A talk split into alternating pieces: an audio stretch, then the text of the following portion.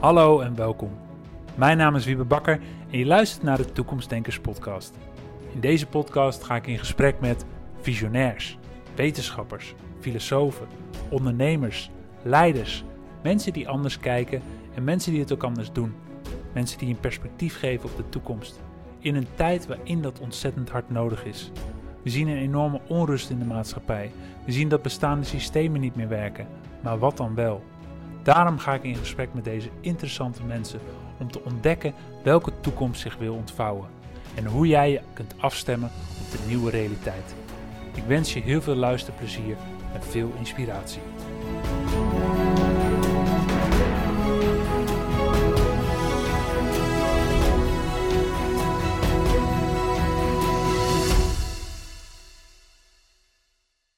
Vandaag ga ik in gesprek met uh, Joke van der Schoor.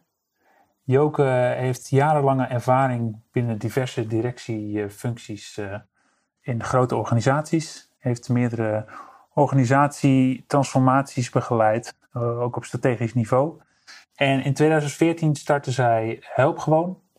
Help Gewoon helpt ondernemerscoöperaties en werknemerscoöperaties, met name in de zorg, om op te starten en ook zelfsturend te worden bijzondere aan werknemerscoöperaties is dat de mensen uh, ja, zijn eigenlijk eigen baas in de coöperatie en moeten het met elkaar uh, zien te rooien. Daarnaast is uh, Joke moeder van twee kinderen en sinds kort ook oma zelfs van een kleinzoon. Klopt. En vandaag ga ik in gesprek met Joke over nou, wat is haar visie op toekomst en met name ook van bedrijven natuurlijk, als het gaat ook om zelfsturing en waar bewegen we naartoe. Maar allereerst ben ik wel benieuwd. Je hebt in meerdere grote bedrijven gewerkt, goede functies gehad. Wat maakte dat jij voor jezelf begon in 2014? Nou, ik merkte aan mezelf dat ik toch een bepaalde houdbaarheidsdatum had binnen organisaties. Drie, vier, max vijf jaar. En dan uh, liep ik eigenlijk tegen muren op. En eigenlijk steeds tegen dezelfde muren. Ik ben bij alle functies gevraagd om een reorganisatie door te voeren. Er moest iets nieuws opgezet worden. Ik heb lang bij de gemeente Rotterdam gewerkt, wel tien jaar, maar in zeven functies. Waarbij iedere keer de vraag was: zet een nieuwe afdeling op of zet een nieuw project op. Dus ik wist al van mezelf dat ik ondernemer was binnen de banen die ik had. Al was dat in loondienst. Ik mocht mijn ondernemerschap daar tentoonspreiden en uitoefenen. En uh, na de laatste baan in loondienst, waarbij ik een, de grootste reorganisatie heb begeleid uit mijn hele carrière, een centraal vastster bedrijf ingericht, een grote bezuiniging van 35% op het budget en 18 miljoen aan bezuiniging, dacht ik, nou, dat heb ik goed gedaan. Maar daarna liep ik na twee, drie jaar weer tegen de muren op, in de zin dat, je, dat ik beperkt werd binnen die organisatie dat, en mijn creativiteit daar ook mee beperkt werd. Dat ik dan een afdeling PNO tegenkwam die zei: Ja, maar dat kan niet. En een controller tegenkwam die zei: Dat kan niet.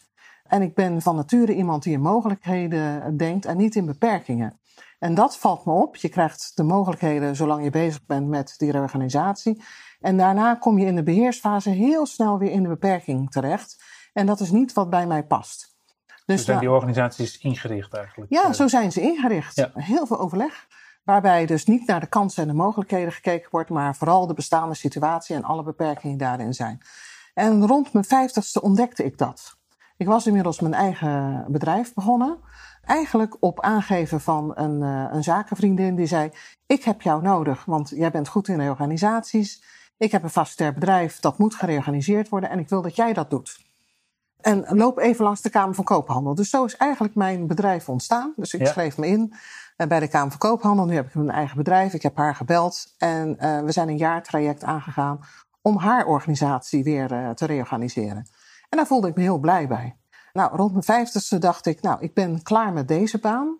loop weer tegen die beperkingen op. En nu? En ik dacht, weer een baan in loondienst aangaan. Dat heb ik nu wel gehad. Ik ga volledig voor mezelf beginnen. Had ook te maken met de leeftijd van mijn dochters. Die waren toen 17. Dacht, ja, nou, wat meer vrijheid. Ja, wat meer vrijheid. Dus ja. uh, laat ik dat ondernemerschap volledig gaan uitbuiten.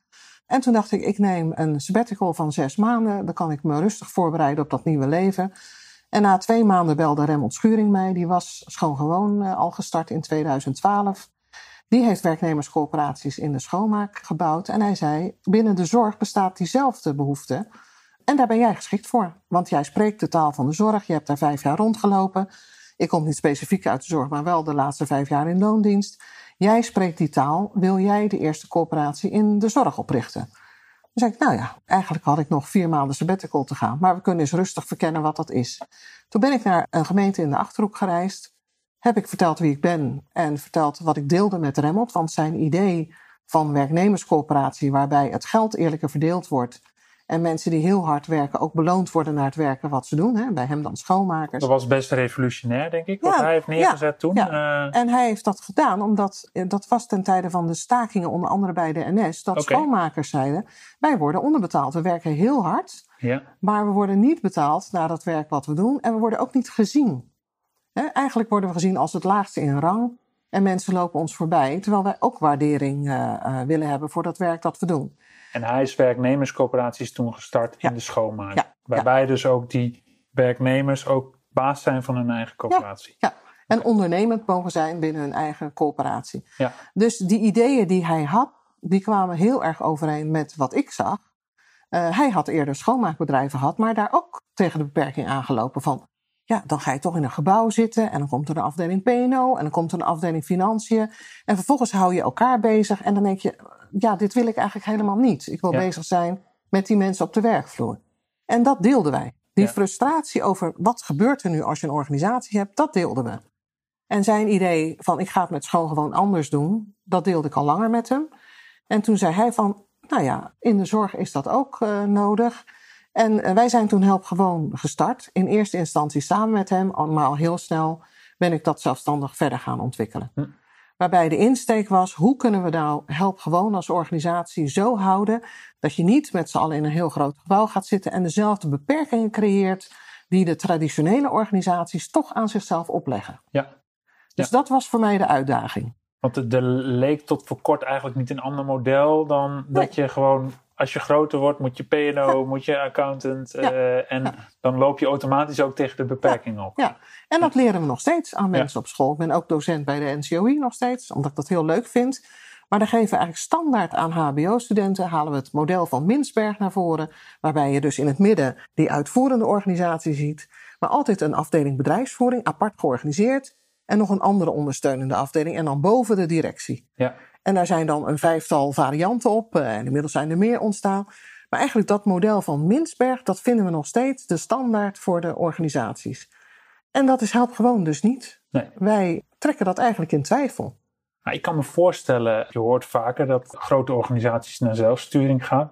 Dat het ontzettend on- ingewikkeld is om dat voor elkaar te krijgen. Dat je toch als iemand zo'n zelfsturend team. Ja, je hebt ook gewoon natuurlijk gedrag, zeg maar. Dat er altijd wel haantjes zijn en mensen die toch manager eh, gaan spelen en noem op.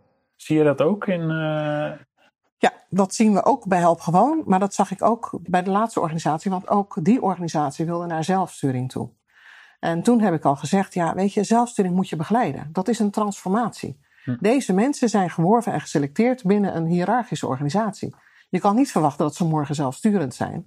Daar moet je ze in helpen. Daar moet je ze in begeleiden en opleiden. Nou, dat vond daar geen gehoor, maar dat idee was toen wel ontstaan. En toen Remmelt mij die vraag stelde, wil jij Help Gewoon vormgeven? Toen heb ik dat wel meegenomen. Mensen werken binnen grote traditionele organisaties, zijn gewend aan een leider, leidinggevende manager. En als er dan wat is, dan kijken ze naar boven. En dat gebeurde dus ook bij de eerste Help Gewoon coöperaties. We starten en vervolgens als er een besluit moest worden genomen, keken ze naar mij. En dan zei ik, nee, dat besluit nemen we samen. Ja. En dat duurt. Dat duurt een week of acht. Voordat mensen denken, ja, Joke gaat ons niet helpen. We moeten het besluit zelf nemen. En dat gaan we ook nemen. ik kan me voorstellen dat dat niet voor iedereen is weggelegd. eh. Nee, dat is niet voor iedereen weggelegd. Dus de leden van de coöperatie Help Gewoon, die dus goed zijn in zelfsturing en dat ook oppakken, dat zijn niet de mensen die van nature de medewerker zijn, van 9 tot 5 hun telefoon aan hebben, daarna gaat hij uit en ga ik wat anders doen. En dat zijn ook niet de mensen die eigenlijk teamleider of manager of directeur willen zijn. Maar dat is die middenmoot van mensen die regie willen hebben op hun werk. Die daar ook ja, hun ontplooiing in vinden. En meer willen doen dan alleen maar het uitvoerende werk. Die ook een andere rol op zich willen nemen. En die middengroep, dat is best een grote groep. Ja? Ik merk dat mensen daarnaar verlangen. Hm. En zeggen, ja, de, de eerste coöperatie jeugdzorg, daar zat een eh, mevrouw tussen en die zei ook tegen mij, nu heb ik overzicht over het hele proces. Die werkte binnen een grote jeugdzorgorganisatie en die zei, Twintig jaar geleden mocht ik alles doen en langzaam maar zeker heb ik van alles nog wat ingeleverd. En nu mag ik nog maar een heel klein onderdeeltje doen van het proces. En bij Help Gewoon heb ik weer overzicht over het hele proces. Ja, ja dat, dat is natuurlijk wel een tendens die je sowieso ziet. Dat, dat mensen zich een nummertje voelen binnen de organisatie. Ja. Eigenaarschap kwijt zijn. En misschien dat daar ook aan gerelateerd wel het hoge aantal burn-out klachten. Hè? Ja. En, en jullie bieden daar eigenlijk ook een, een alternatief model voor aan. Ja. En is dat, kan dat ook groeien dan? Kunnen ook die grote organisaties het implementeren? Of hoe kijk jij daarnaar? Ik denk wel dat ze dat kunnen implementeren, maar dan moet je bewust zijn dat het een transformatie is. En dat dat geen proces is van vandaag op morgen. Maar dat je in mijn beleving daar wel twee jaar voor uit moet trekken om eerst een team te vinden wat daar heel erg enthousiast eh, over is en klaar voor is. Dus die zou je dan als pilot eh, kunnen gebruiken. Dat was ook destijds mijn voorstel. Maar het zit er vooral in, in de hoogste van rang die durft los te laten. Want je moet ook als directeur, manager, bestuurder kijken naar je eigen positie. Hm. En waar je gewend was om inderdaad leiding te geven en heel veel sturing en in te grijpen als je denkt dat het fout gaat, eh, dat moet je durven loslaten. En je moet durven op je handen te gaan zitten. Daar ligt de grootste uitdaging. En dat is ook wel wat Lalou beschrijft in zijn boek Reinventing Organizations. Als de hoogste in rang er niet in gelooft in zelfsturing, gebeurt het ook niet. Ja, en, en misschien ook wel van je kunt er wel in geloven, je kunt er wel zin in hebben en ook aan beginnen. Ja. Maar ik denk dat de kunst ook is om erbij te blijven als het spannend wordt. Ja, Eh, ja. Want een idee is leuk, maar de, de praktijk kan ik me voorstellen dat die wel weer barstiger is. En dat Klopt. je dan wel stevig in je schoenen moet staan om het dan ook vol te houden. Ja. En dat heb ik geleerd in de eerste twee jaren van Help Gewoon. Ik heb gekeken naar die eerste coöperaties. De eerste was jeugdzorg, daarna volgde een sociaal team. Een team voor cliënten met niet aangeboren hersenletsel en sport. Dus een hele gevarieerde groep mensen. Want mensen denken dat Help Gewoon alleen thuiszorg is. Maar het is begonnen in eh, hele andere branches. En ik heb het eerste jaar gekeken, waar lopen deze mensen nou tegenaan? Wat vinden ze spannend? Nou, het grootste gedeelte was communicatie. Hoe vergader je met elkaar? Hoe praat je met je klant? Hoe zorg je dat je organisatie verkoopt naar buiten toe? Hoe praat je met je opdrachtgevers? En in de eerste anderhalf jaar heb ik dus tien trainingen ontwikkeld om deze mensen te begeleiden in hun groei naar zelfsturing. Want het ontstaat niet in één dag, maar mensen groeien daar naartoe. En daar kan je ze dus in opleiden. Ja. Dus mijn- over wat voor opleidingsniveau heb je dan? Dat, deze mensen. dat maakt niet dat uit. maakt niet uit. Dat maakt niet uit. Geef- Zelfsturing is voor iedereen weggelegd. Ja, ik geef dezelfde training aan mensen op LBO-niveau en op HBO-niveau. Hm. Maar uiteraard zijn de woorden dan vaak anders. Het gaat meer om de type personen eigenlijk. Het gaat om het type personen. Ja. Maar de inhoud van de trainingen zijn bij iedereen hetzelfde. Hm. En de mensen pakken dat ook op. En ik zie eigenlijk direct na de trainingen dat ze dat in praktijk gaan brengen. Dus dat is het, het mooie eraan. Dus dat is een onderdeel, mensen opleiden. Een tweede onderdeel is mensen begeleiden. Iedere coöperatie bij Help Gewoon heeft een coöperatiecoach.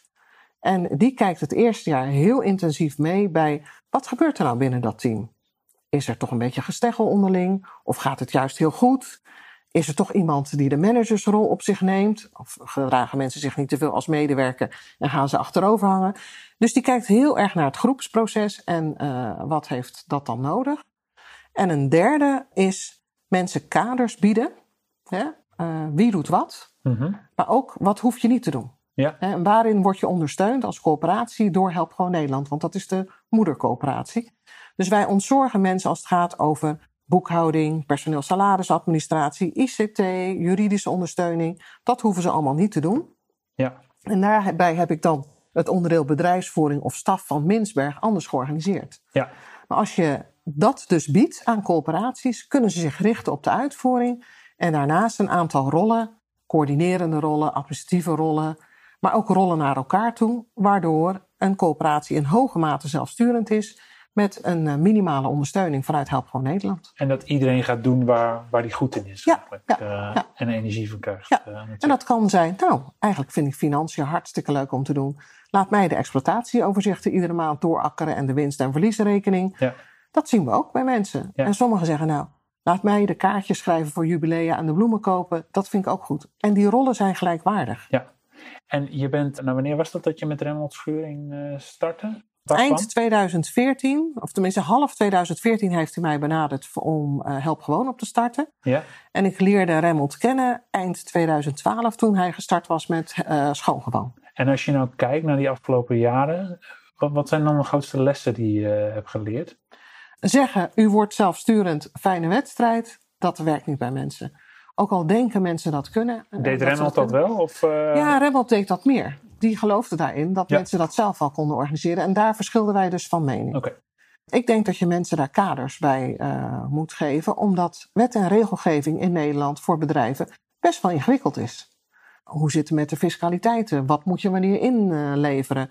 Je jaarrekening bij de Kamer van Koophandel, om maar iets te noemen. Maar ook, wat zet je in statuten van een coöperatie? Nou, om dat nou iedere keer opnieuw te laten uitvinden door een coöperatie, ja, waarom zou je dat niet in één keer goed regelen? Hm. En daarbij dus eh, de- eigenlijk de coöperaties ontzorgen. Ja. Nou, dat is mijn visie erop geweest. Regel zoveel mogelijk van wat mensen als gedoe ervaren, hè, bedrijfsvoeringsgedoe, waarin ik goed ben, want ik heb een achtergrond als bedrijfskundige. En wat ik niet weet, daar ga ik op zoek naar een ketenpartner die dat wel weet. Dus hoe kan je ze daarbij helpen?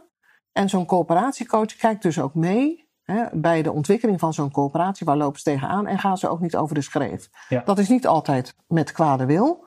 Maar mensen denken, ach joh, dat mag best binnen een bedrijf. En soms doen ze dan onbewust dingen die eigenlijk niet mogen, wettelijk gezien. Ja. Daarmee bieden we ook een stuk bescherming richting de coöperaties. Ja. Dus daar kaders aanbieden zonder dat het een keurslijf is. Want dat is wat, dat, dat is wat er gebeurde binnen grote organisaties. Hoe kan je dan zorgen dat je niet zegt tegen een coöperatie dat mag niet. Maar ik begrijp dat je dat doet. Denk hieraan. Ik zou je adviseren om dat te doen. En dat, ze een alternatief. ja, en dat, dat, eh, door ook rollen te geven, wordt het ook helder natuurlijk. Ja. Hier ben ik van, Ja. hier ben ik van. Ja. En dan weet je ook. En volgens mij is het ook in met rollen dat er kan een rol bijkomen en dan kan een rol afgaan. Ja. Hè? Dus het is een fluïde model eigenlijk. ja, Eh, ja. Het is niet vast omkaderd. Nee, eh. nee. Dus dat is een belangrijke les in ieder geval. Van, eh, geef mensen in ieder geval de instructies. Zeg, gooi ze niet met, in het diepe zonder zwembandjes Ja, ja. eigenlijk. En Eh, die kaders die je biedt moeten dus geen keurslijf zijn, Nee. maar moeten een hulpmiddel zijn. Ja. En dat, dat is echt een uitdaging om dat met elkaar te doen. Eh, wat zijn nog andere lessen?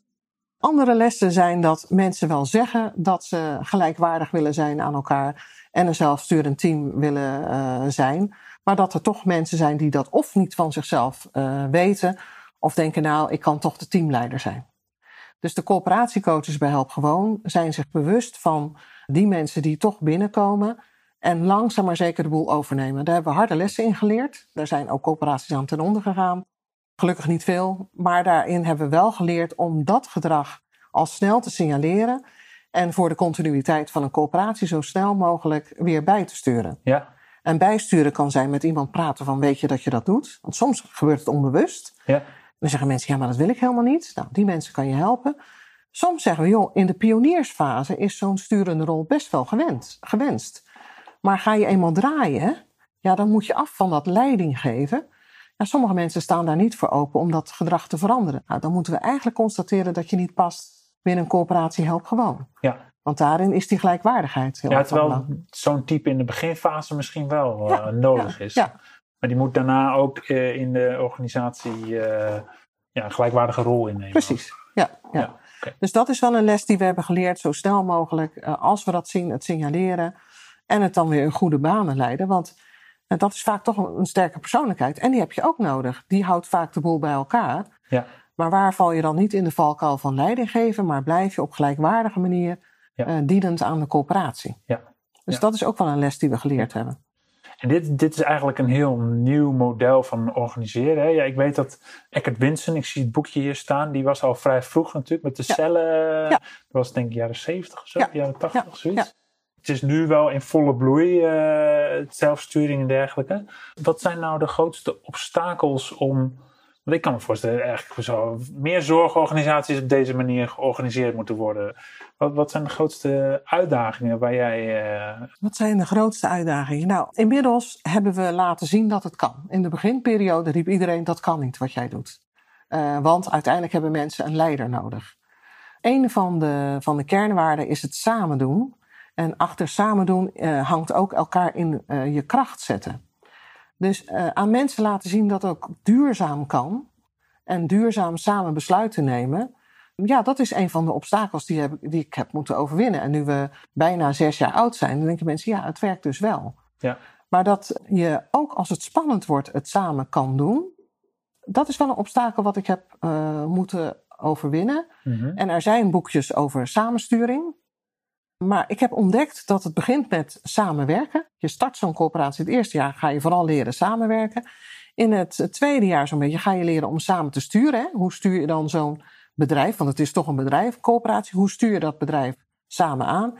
En vervolgens komt er altijd wel gedoe. En dan ga je samen dragen. Dus die drie lagen, van beginnen met samenwerken, daarna naar samen sturen en samen dragen. Ik denk dat dat uniek is voor het Help Gewoon concept wat ik ontwikkeld heb. Om die mensen daarin te begeleiden en te zeggen, joh, dat hoort nu eenmaal erbij. Ja, En dan heb je ook geen leidinggever nodig, ook niet op dat moment. ja, Want Help Gewoon blijft ten alle tijden de corporaties begeleiden. Ja. Ook op dat soort moeilijke momenten. En dan bouw je dus een duurzame vorm van zelfsturendheid en zelfstandigheid binnen zo'n coöperatie. ja, En de mensen zeggen het kan niet. Ja, natuurlijk, kritisch zijn is ook nodig. Mhm. Maar blijven geloven dat dit kan in elkaar en blijven geloven in elkaar, dat is wel de kracht van Help Gewoon. ja, ja. Nou ja, en ik kan me voorstellen sowieso dat dat kan ook een bedreiging zijn natuurlijk voor andere grotere organisaties. Ja, ja. Ik kan me voorstellen dat je daar ook wel wat weerstand Ja. van krijgt. En eh, als ik dan één op één zit met een bestuurder of een directeur die zegt: Ja, maar Joko, wat moet ik dan? Ja, en ik heb mezelf natuurlijk ook opnieuw moeten uitvinden. Ik Ja. had een behoorlijk maatschappelijke positie en een, eh, een hele goede baan. Dat heb ik ook los moeten laten. Ja. En dus hoe ziet die nieuwe rol van een bestuurder eruit inderdaad? Dat is wel een goede vraag. Nou ja, een bestuurder binnen Help Gewoon is gelijkwaardig aan de anderen. Ja. Dus je bent niet meer dan de ander. Ja, je moet de arbeidsovereenkomsten ondertekenen, want mensen binnen een coöperatie Help Gewoon hebben een arbeidsovereenkomst. Ja, Maar je hebt geen auto met chauffeur voor de deur staan en je hebt geen creditcard van de zaak, wat binnen grote organisaties wel zo is. Dus voor mezelf was het ook wel spannend. Van oké, als ik naar die gelijkwaardigheid ga, wat betekent dat dan voor mij? ja, En ik heb mezelf ook opnieuw moeten uitvinden. Maar dezelfde kennis die ik voorheen dus inzette binnen grote organisaties, zet ik nu ook in. Maar misschien nog wel meer. Ja, je vervult eigenlijk dezelfde rollen als dat je toen vervulde. Ja, dezelfde Eh, kennis pas ja. ik toe Ja. als ik destijds Alleen je hebt niet deze eh, hogere positie, zeg Nee, maar. eh. Ik ben gelijkwaardig aan de anderen. En ik noem mezelf een gekscherend coöperateur. En dan zeggen mensen, wat is dat? Dan zeg ik, geen idee. Want eigenlijk hoeft het geen betekenis te hebben. Ik werk mee om coöperaties op te zetten, in te richten. En uiteindelijk naar uitvoering te gaan. Ik kan me voorstellen dat dat een continu spel is. Want ik denk dat je elke keer wel weer in die positie wordt geplaatst van de leidinggevende. Of van degene die, de directeur of degene die bepaalt. Of. Ja, hoe ga je daarmee om? Geduld, ja? het herkennen. Dus in de eerste acht weken is dat het spannendst. En zeggen, ja, ik ben niet degene die de besluiten neemt, dat zijn jullie. Ja. We hadden hier twee weken geleden in deze ruimte de bijeenkomst van de nieuwe coöperatie Help Gewoon Thuiszorg Ermelo. En dan stellen mensen aan mij de vraag, mogen we dienstkleding? En dan zeg ik standaard, geen idee. Vraag het aan je medeleden. ja. Dat is natuurlijk dat is een totaal andere wereld. Dat Ja. is, dat is, eh, En dan begint het met het idee, mag dat? en ergens denk ik, ja, dat we zo ver zijn gekomen dat mensen zeggen, mag ik iets beslissen over mijn eigen bedrijf en mijn eigen functie en mijn eigen rol? ja. Eigenlijk geeft dat tegelijk de pijn aan. Tenminste, voor mij zit daar een stukje pijn onder. Ja. Als ik dan mensen dat hoor vragen aan mij, dan denk ik, wat erg. Wat erg dat jij denkt dat je nog geen eens mag beslissen over een t-shirt. Ja. Terwijl, ja, weet je, natuurlijk, binnen grote organisaties komt de afdeling communicatie erbij en er moet een, een vormgever bij komen. Er wordt een heel circus opgetuigd. Terwijl ik denk, ja, jullie besluiten met elkaar over een t-shirt. Doe dat alsjeblieft. Nou, en het mooie is denk ik ook dat mensen zijn dus tot veel meer in staat dan je van tevoren had Ja. gedacht. hè? Ja. Ook dat je zegt van eh, nou, alle opleidingsniveaus kunnen dit. Ja. Terwijl ik denk dat van buitenkant was het, ah, dat, dat kan niet hoor. Dus Ja. dat is, En dat inzichtmoment, dat had ik eigenlijk al toen ik in loondienst was. En ik kan niet meer terughalen wat dat nou precies was. Maar er was een training en we zaten met, met de trainer om tafel. En die zei, heel veel mensen die eh, zijn huismeester eh, bijvoorbeeld of schoonmaker binnen jullie organisatie. Maar in hun privéleven zijn ze voorzitter van de voetbalclub. Of leiden ze de fotografieclub. ja. En dan komen ze tot hele andere dingen. Hoe komt het dat ze die talenten niet laten zien in hun werk, maar wel in hun privé-tijd? Dat was voor mij zo'n eye-opener dat ik dacht, dat is waar. Nou, dat is mooi. Maar ik eh, las laatst ergens een cijfer dat 15% van de mensen gepassioneerd is voor zijn werk. Nou, dat is natuurlijk dramatisch laag. Ja. Eh, dat relateert ook hier aan. Juist, ja. Dus als je mensen de vrijheid geeft om Ja. zelf invulling te geven, Ja. waarin je ze nog wel kaders geeft dat het nog veilig genoeg is om dat te doen, hè, dan, dan komt ook die drive terug. Maar merk je dat deze mensen in die coöperatie dan ook meer een drive hebben dan toen je nog bij de grote organisatie uh, werkte? Zie je daar een verschil in? Nou ja, het mooi dat jij die 15% noemt. Want inderdaad, dan laten ze ook maar 15% van betrokkenheid zien uh, in hun werk. Ik uh, zie het zeker. En meer dan ik verwacht had. We hebben 31 januari ons vijfjarig bestaan gevierd. En toen stond ik voor de zaal met, nou, ik denk 120 uh, leden van het aantal dat we inmiddels hebben. Dus een groot deel. En de warmte en de liefde in die zaal wat we heel graag willen in grote organisaties, waar programma's op worden gezet door uh, PNO, teambuilding sessies. Dat ontstaat dus door het concept. En die warmte, dat raakt me dan zo enorm dat dat blijkbaar dus ook door het concept veroorzaakt wordt. Omdat je jezelf mag zijn, omdat je mag laten zien waar je sterk in bent. Maar ook kan zeggen, joh, dat vind ik te eng, dat wil ik niet. Hm. Dat mag ook, hè? Ja. Dus dat mensen zichzelf kunnen zijn, dat ontstaat binnen die corporaties. En wat we dus heel graag willen, dat ontstaat hier door de manier waarop we met elkaar omgaan. En door elkaar toch in de kracht te zetten. Ja. Inmiddels is, is uh, die term wel een ja, beetje... we hadden het net ook, over een boekje. Hè? Ja. nou, hoe, hoe, noemde jij dat dat boekje? boekje uh, ga, ga lekker in je eigen kracht staan. Precies. Dus inmiddels denk ik, oh, voorzichtig mee zijn. Maar het is wel wat er gebeurde. En een jaar daarvoor hadden we de eerste coöperatiedag. En toen gebeurde dat ook al. Toen stond ik voor die zaal en toen dacht ik, wow, dat dit gebeurt. En als ik dan terugkijk in die vijf jaar. In de eerste 2,5, drie jaar heb ik het alleen gedaan, omdat het toen ook nog te klein was. Ik ging naar buiten en de boekhouder deed binnen het werk, uh, de administratie. Toen merkte ik al, als ik ergens aankwam, dat ze zeiden: Het is zes uur. Heb jij al gegeten? Nee, dan krijg je eerst een kopje soep en een broodje. Ga maar zitten. Die vanzelfsprekendheid. Ja, mooi. Ja. En die liefde en warmte, dat is wat we willen met elkaar. Ja. Maar niet krijgen. En dat gebeurt dus ook binnen Help Gewoon. Ja. En dat krijg je dus ook alleen maar als je ook door, door die shit, om het zo maar even te zeggen, Ja. heen gaat. Hè? Ja. Dus het is niet, hoeft niet altijd makkelijk te zijn natuurlijk. Ja. En af en toe ook aan te geven, jongens, je gaat nou over mijn grens heen. Dit raakt me. Ja. En dat leren we mensen af, hè, om te laten zien wat je echt raakt. Bij ons mag dat. En mag Ja. je zeggen, nou, nu sta je echt op mijn ziel. Ja. Waarom dan? Ja. En daar eerlijk in te zijn, dat is ook een van de kernwaarden. Ook laten zien dat je geraakt wordt. Ja. Eerlijk te zijn over waar je goed in bent en niet goed in bent. Eerlijk te zijn over de financiën. Ja, ik kan me voorstellen, in, normale organisatie is het natuurlijk de manager die het regelt dan. Hè? Ja, En die, en als, er, als er een conflict is, die zegt van jij zo, jij zo. Ja. Net als een vader of moeder die naar zijn kinderen zegt van eh, dat niet meer doen. Ja. En hier ben je eigenlijk allemaal volwassenen. En dat is dus mooi als er conflicten zijn binnen een coöperatie, omdat eh, de coöperatiecoach daar niet dagelijks is. Die is er ma- maximaal twee keer per maand in het eerste jaar en daarna afnemend. Lossen die coöperatieleden dat met elkaar op. Een Ja. coöperatie is nooit groter dan zo'n 25 leden. Hm. Want daarna zien we dat iemand de baas wordt of die wordt aangewezen als baas. Maar als je het kleinschaliger houdt, dan blijven mensen gelijkwaardig. Zo'n conflict, omdat iedereen elkaar kent, komt heel snel op tafel. En dan wordt de coöperatiecoach gebeld. Ja, we hebben een probleem. Kan jij helpen? Ja. In de afgelopen weken tijdens de, de corona-lockdown zijn er bij zes coöperaties dit soort problemen naar voren gekomen. En de helft heeft het zelf opgelost. Met begeleiding vanuit Help Gewoon Nederland. En die zijn zelf tot een oplossing gekomen. En dat kan zijn verandering van gedrag en toch met elkaar verder. Tot wij gaan niet verder met elkaar. En beide kan. Maar wel op een goede manier afscheid nemen van elkaar. Maar dan zuivert dat zichzelf uit op de een Ja. of andere manier. En de coöperaties doen dat zelf. En toen ik manager was binnen grote organisaties, dan hoor je het te laat. Hè, het speelt zich wel dicht bij jou af, maar je krijgt er niet echt grip op.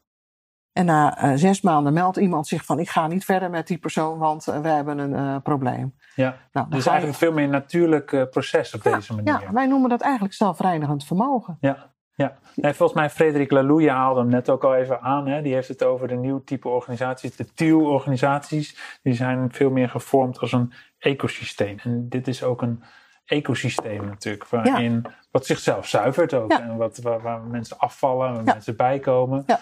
En, En ook zeggen: Ja, maar dit is niet goed voor ons als we hiermee verder gaan. ja, En binnen grote organisaties denkt iedereen, nou, het is niet voor mij, ik ga wat anders doen.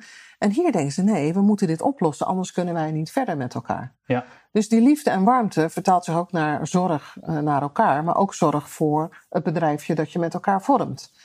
Dus die problemen, ja, die duren soms een paar weken, maar geen half jaar zoals binnen grote organisaties. Nee.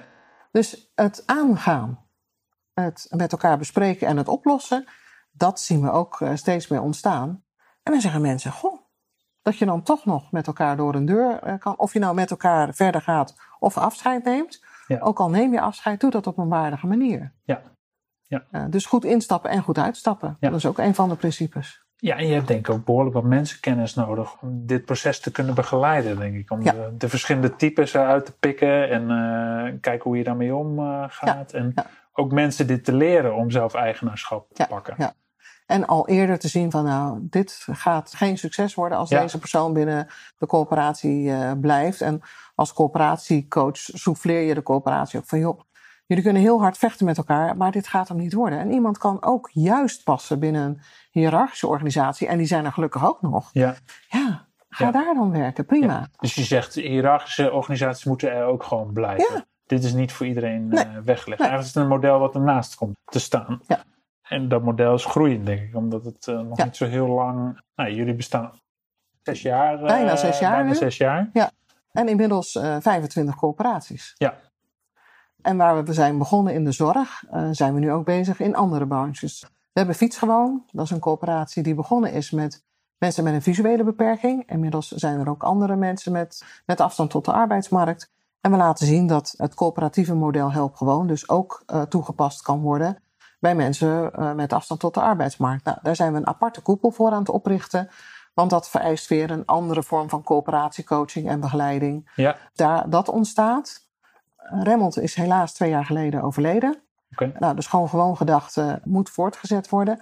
Dus er is ook Help Gewoon Schoon en facilitaire diensten. Dat is ook een, een nieuwe koepel. En ook die branche vraagt om zelfsturing, zelforganisatie en uh, meer verantwoordelijkheid naar de werkvloer uh, brengen. Dus er ontstaan steeds meer koepels en er ontstaat steeds meer vraag vanuit uh, de markt van joh, wat leuk dat dit zo'n succes is, kan dat ook voor ons? Ja, en waar zie je het nou naartoe bewegen? Dit is echt vanaf de grond af aan opgebouwd. Hè? Ik kan me voorstellen dat dat makkelijker is dan een bestaande organisatie te transformeren naar meer zelfsturend. Mm -hmm. Zijn er voorbeelden van grotere organisaties die dat wel succesvol hebben gedaan? Want je hoort natuurlijk vooral veel de verhalen van waar het, waar het niet gelukt is. Of denk je dat juist meer nieuwe organisaties bij gaan komen die, nou, zoals Help Gewoon, die het op een andere manier gaan, uh, gaan organiseren? Nou, als je kijkt naar buurtzorg, daar hebben de teams natuurlijk ook een hele hoge mate van ja, zelfsturing. Ja. Dus ik denk dat dat ook een goed voorbeeld is van een uh, organisatie die succesvol is in zelfsturende teams. Ja, Ja. maar ook dat is van de grond af aan opgebouwd, Ja, hè? ook zeker. weer nieuw. Ik denk dat de uitdaging is, ik denk dat het wel kan. Ik denk dat je uh, bestaande organisaties kan ombuigen naar zelfsturende teams. Maar dan alleen naar de teams kijken is onvoldoende. Dan moet je ook kijken naar het zittende management en die ook meenemen in die transformatie. Want wat betekent dat nou voor hun? Ja. En ik ken wel een zorgorganisatie die heeft HR-medewerkers omgevormd naar teamcoaches. Maar toen dat niet snel genoeg lukte, zijn die mensen weer teruggebracht naar teamleiders enzovoort. Ja. Maar het Ik lijkt me heel ingewikkeld inderdaad. Ja. Vooral omdat zo'n manager natuurlijk al een positie heeft. En in één keer is hij die positie kwijt. En hoe gaat dat dan in het samenwerken met wat dan in één keer gelijkwaardige collega's zijn natuurlijk. Ja. Dat lijkt me een ingewikkeld proces. Dat is ingewikkeld, maar inmiddels hebben we uh, nu zoveel kennis opgebouwd. Dat ik denk van nou, uh, ik ben ook in staat, uh, zeker met de mensen om me heen, met de ketenpartners die er zijn, kunnen we dit model dan niet in de coöperatieve vorm, maar je kan wel een afdeling omvormen Ja. naar een uh, zelfsturende eenheid of resultaatverantwoordelijke eenheid of hoe ze dan ook genoemd worden.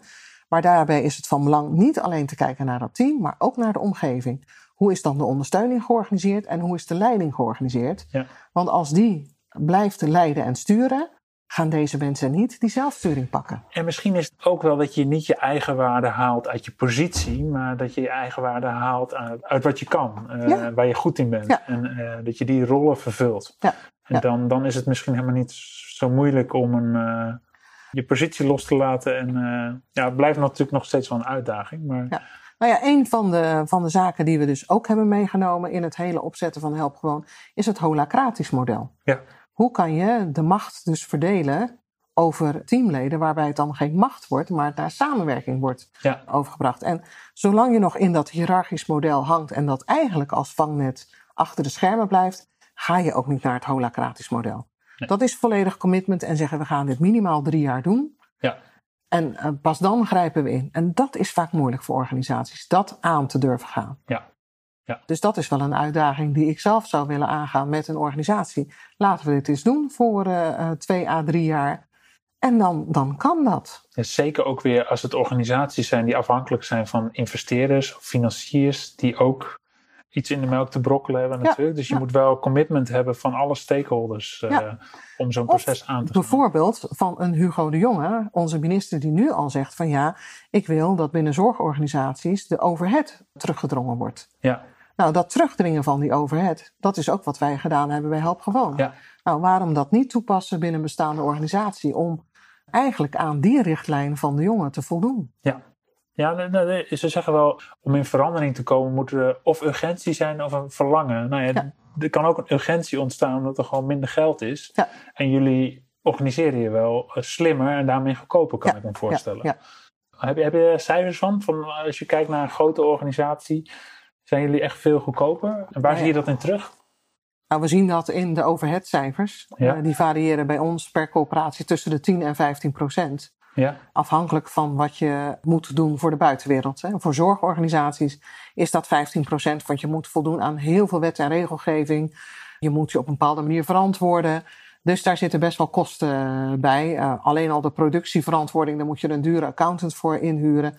En dat is een jaarlijkse oefening. Ja. Als we kijken naar bijvoorbeeld de coöperatie sport, die heeft dat veel minder. Dus dan zie je dat de overhead al veel lager is en zelfs 10% is. Ja. Nou, bij grote organisaties en middelgrote organisaties ligt die overhead makkelijk op 25 tot 30%. Daar kan je al behoorlijke winst in maken. ja. Nou, ook in mijn overtuiging, en Maar als, zijn jullie dan ook goedkoper voor gemeentes? voor gemeentes zijn, nou, Of voor, gemeentes, voor, voor jullie klanten, laat ik het zo zeggen. Ik weet niet of dat gemeentes zijn. altijd, wij zijn of, eh, goedkoper voor de leden. Ja. Want wat daar dus gebeurt, kijk, gemeentes binnen de WMO, en dan heb ik het over de huishoudelijke hulpen, die werken nu in zijn algemeenheid met een vast tarief. mhm. Gelukkig zijn we af van het vechten om het tarief. Dus we werken tegen een vast tarief, waarvan dat bedrag kunnen wij een hoger uurloon aan de leden geven. Ja. Dus als ik het vergelijk, wij hanteren de hoogste schaal binnen de CAO-VVT. ja, Dus bij ons verdienen leden tussen de 13,5 en 14,5 procent. En bij grote zorgorganisaties is dat aanzienlijk lager en hoor ik bedragen van 10 à 11 euro. Dus wij zijn goedkoper in die zin dat de overhead goedkoper is, waardoor het geld eerlijker verdeeld kan worden. Ja. En een lid van. Help Gewoon dus een hoger uursalaris heeft. ja.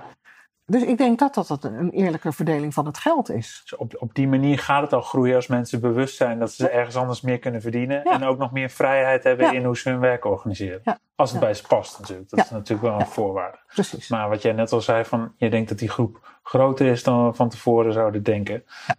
Dus dat ook meer mensen van die 85% hun, eh, hun passie eh, terugvinden in Ja. hun eh, Ja. werk. Wel, want wel, als jij een, een blik in de toekomst mag werpen, waar, eh, waar zou je over eh, vijf jaar willen staan? Of waar denk je waar, waar het naartoe gaat bewegen? Voor Help Gewoon of in zijn algemeenheid? Beide. Beide. Nou, ik denk dat die roep om meer regie te hebben op je werk, dat die steeds groter wordt. Hm. Als maatschappij leiden we mensen gemiddeld op naar HBO-niveau. Dat, dat wordt eigenlijk van het gemiddelde kind nu wel verwacht, hè? MBO-HBO-niveau. Die mensen leiden we op naar zelfstandige denkers of zelfstandige uitvoerders. Vervolgens gaan ze aan het werk en dan zetten we daar een baasje boven. En daar ontstaat dan bij mij een stukje kortsluiting. Hoe kan het dat je tegen die mensen zegt: je moet zelfstandig kunnen functioneren, maar je krijgt wel een baasje? Wat nu als we dat durven aan te gaan en die mensen in hun zelfstandigheid eh, laten functioneren en daarmee in hun kracht houden en hun passie, die passie voor dat werk, blijft dan, eh, gaat dan ver boven de 15 procent. Ja. Als die roep er is naar meer zelfstandigheid, waarom geven we dat dan niet aan de mensen? Jan Rotmans roept daar al langer over. Het tijdperk van management is eigenlijk eh, aan zijn einde toe. Dan moet een hele groep mensen zichzelf opnieuw uitvinden. Wat gaan we dan doen in Maar hier gaat marktwerking ook een rol spelen Ja, natuurlijk. ja. Hè? In, in, in de urgentie wordt groter als er een beperkt aantal goede jonge mensen te vinden zijn. Ja, eh, die naar leuke, hippe, zelfsturende organisaties eh, gaan. Dan wil je natuurlijk zelf ook transformeren. Precies. En Ja. daarbij is die kennis over bedrijfsvoering nog steeds nodig. Ja. Dus laten die managers en die bestuurders zichzelf opnieuw uitvinden en veel meer dienend leiderschap dan eh, tonen. Dienend aan deze groep die regie willen op hun leven en hun werk. En daarbij ondersteund moeten worden. Dus dat, zie, dat is iets wat ik wil eh, zie gebeuren. Wat ik binnen Help Gewoon zie, is dat steeds meer mensen zich melden en zeggen: Ja, wij willen ook zo'n coöperatie à la Help Gewoon. En hoe kan je ons daarbij helpen? En dat kan zijn binnen de eigen vorm. De afbouwalliantie is daar zo'n voorbeeld van. Die zeggen: Nou, wij willen daarbij blijven, we willen geen onderdeel uh, worden van Help Gewoon.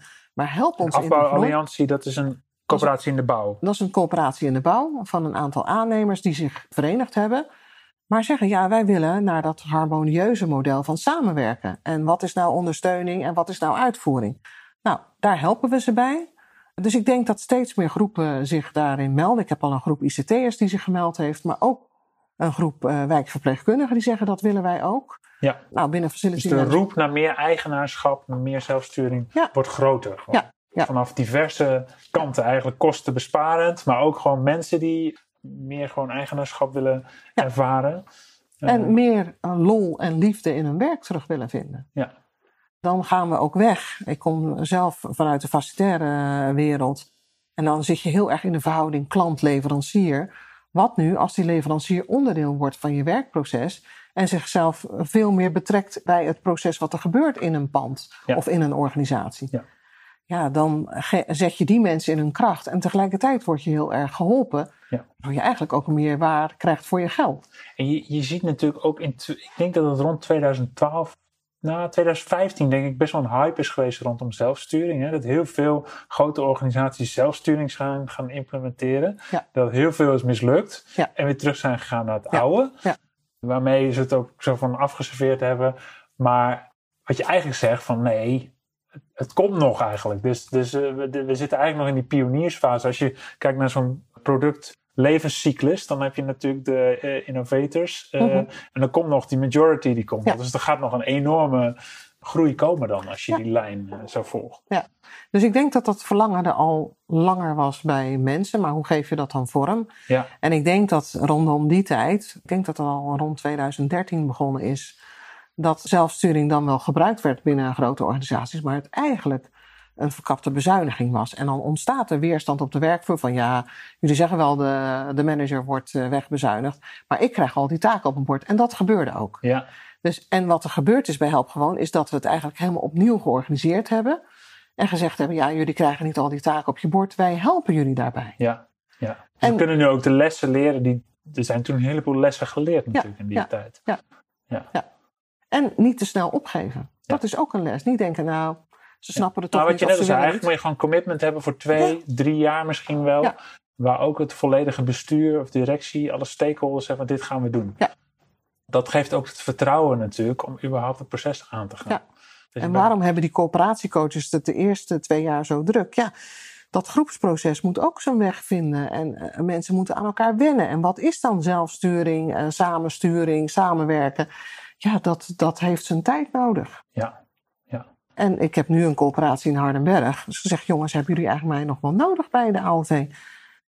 Toen zeiden ze, vind je dat niet erg dan? Nee, ga alsjeblieft zelf je Maar dat gang. is Dus geweldig, ja. ja, oh, maar dan gaan we dat proberen. Maar je bent nog wel telefonisch bereikbaar. Hè? Dus dat afscheid nemen, dat gebeurt dan. ja. Eh, maar ook niet echt, want we blijven ze ondersteunen.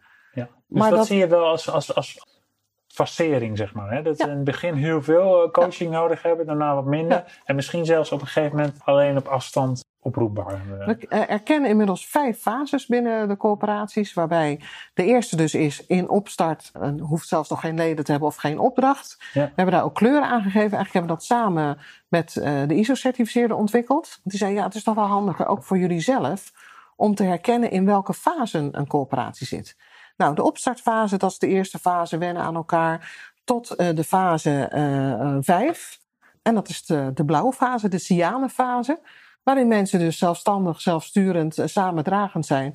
En de coöperatiecoaches eigenlijk alleen maar opgeroepen worden als er grote nieuwe zaken zijn. Dus een nieuwe aanbesteding of een nieuwe opdracht van de opdrachtgever, een ontwikkeling die ze zien. En dan zeggen ze, we weer eens een middagje gaan zitten om deze nieuwe business te ontwikkelen. Maar de dagelijkse gang van zaken kunnen we zelf. Ja. Dus we zien die vijf groeifases ja, en soms duikelt een team terug. Hm. Want dan uh, nemen een aantal leden afscheid of ze groeien heel hard. Ja. Ik heb dat nu ook met een team die zeggen: Joko, je moet weer even bij, want er gebeurt iets in ons team dat voelt niet goed. Wil jij weer even wat intensiever coachen? Maar hoe mooi is het dat het team dat zelf bij mij aangeeft? Ja. In plaats dat ik als manager zeg: Het gaat niet goed met jullie, kom er even mee bemoeien. Ja. Dus het is zo anders. Ja, En inderdaad organisch. Ja. Nou ja, je noemt net ook, hè, Siana-fase. Dus dat is ook wat uit uh, Frederik Laloux uh, boek. Hè? Dus, dus organisaties die doorlopen gewoon evolutiestappen uh, door. Ja. Als, als maatschappij doen we dat. Ik heb in mijn vorige podcast gesproken met Mauke Pieper, die integraal denker is. En vooral volgens de filosofie van Ken Wilber, waar ook het boek van uh, Laloux op gebaseerd is. Dus dat, dat zie je ook binnen deze coöperatie. Die lopen ja. eigenlijk best wel voorop type organisatie ja. ook. Ja. Uh, ja. ja. Ja, en het is een combinatie van een aantal van grote denkers. Ik, ik heb het concept uh, laten ontstaan door een aantal zaken te combineren. Dus je noemde net al Eckhart Winsen met zijn cellenmodel, dat zit erin. -hmm. Laloux met zijn fases van organisatie zit erin. Wat er ook in zit is uh, Getting Teams Done. Mm -hmm. en het holacratisch model. Dus dat boek heb ik erbij uh, betrokken en gezegd van ja, Weet je, daar moet je teams dus in begeleiden. In, in het groeien naar het holacratisch model. Maar we zien ook de fases van Takman. He, dus de, stormfase tot aan de performfase. Ja. Die passen we ook toe. Dus heel veel kennis, traditionele kennis, hebben wij opnieuw gecombineerd en toegepast. Ja. Dus ik zeg niet, al die oude kennis is onzin, moet je loslaten. Maar hoe kunnen we vanuit die uh, bestaande kennis de boel opnieuw combineren tot wat help gewoon is geworden? Ja. Ja, gaaf. Dus er is eigenlijk ontzettend veel voorwerk gedaan is Ja. waar je gewoon op voortbouwt. Hè? Ja. En zo is het ook hoe het in de evolutie gaat natuurlijk. Je, Precies. je omvat die, eh, de, voor, de vorige fase Ja. en je bouwt daarop voort. Waarin je de rest meeneemt natuurlijk. Ja, super. Dankjewel Joke. Ehm, als, waar, waarvoor kunnen mensen jou eh, benaderen? Of waar, waar kun jij organisaties bij helpen? En, en hoe Nou, als ze jou zeggen- vinden? Eh, ik ben nieuwsgierig naar hoe, hoe kan dat nou met Help Gewoon? Daar kan ik iets over vertellen. Ja. Ook om te inspireren om het misschien met de eigen organisatie aan te gaan. Ze kunnen mij benaderen om te zeggen, joh, wij zouden heel graag naar zelfsturing willen. Kan je eens meedenken met ons? En hoe zou dat kunnen binnen, binnen onze organisatie? En ze kunnen eens komen kijken in, eh, in Ermelo bij onze winkel van Fiets Gewoon. Om te zien dat mensen met afstand tot de arbeidsmarkt ook in een coöperatie. eh, Ja, dat is gaaf hè. Met Ja. voornamelijk blinde mensen die Ja. eh, als fietsenmaker aan de slag zijn. Ja. ja, dat is een heel mooi verhaal. Dus eh, nou, hartstikke goed. Dankjewel. En ik zal de links ook nog wel in de show notes zetten hieronder. Ja. Dankjewel voor het gesprek in ieder geval. Dankjewel.